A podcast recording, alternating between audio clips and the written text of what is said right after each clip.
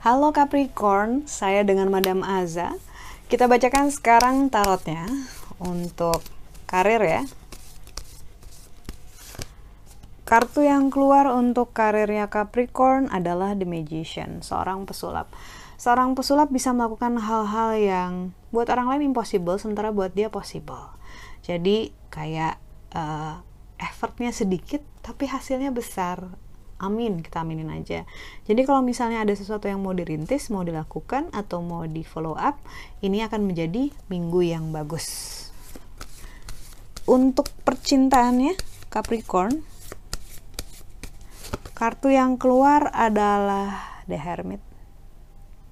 Saat kartu The Hermit keluar ini menunjukkan seseorang yang bijaksana. Jadi dalam hal percintaan uh, berhati-hatilah dengan menjadi orang yang take things for granted ya. Jadi kayak yang kurang ngehargain apa yang udah dikasih sama pasangan sama gebetan atau orang yang peduli sama kamu gitu ya.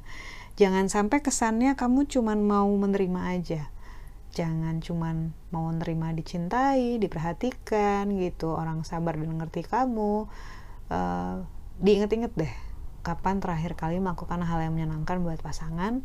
Atau apakah kamu sudah meluangkan cukup banyak waktu dan memberikan perhatian buat dia? Karena kartu The Hermit kebijaksanaan ini menunjukkan adanya energi orang yang memberi lebih banyak gitu ya. Di mana kamu harus berupaya berupaya untuk menjadi orang yang seperti itu lalu kartu yang terakhir adalah kartu nasihat ya untuk Capricorn. Nasihat yang diberikan adalah Hierophant diminta untuk menyadari bahwa oke okay, uh, menghargai, mencintai, menyukai diri sendiri itu bagus, tapi jangan sampai kita ngerasa bahwa kita udah cukup gitu ya. Udah cukup itu apa? Udah cukup mengerti, udah cukup belajar, udah cukup memberi gitu.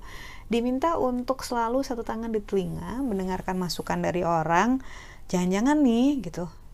Kita emang belum cukup, kita harus berkembang, kita harus uh, melebur dengan lingkungan sosial kita kita harus bisa menerima apa-apa yang kemarin kita nggak lihat ada karena itu penting banget untuk dengerin omongan orang, pasangan, keluarga gitu, atasan yang peduli sama kita dan pengen kita tumbuh jadi orang yang lebih baik lagi walaupun sekarang memang udah cukup baik gitu ya.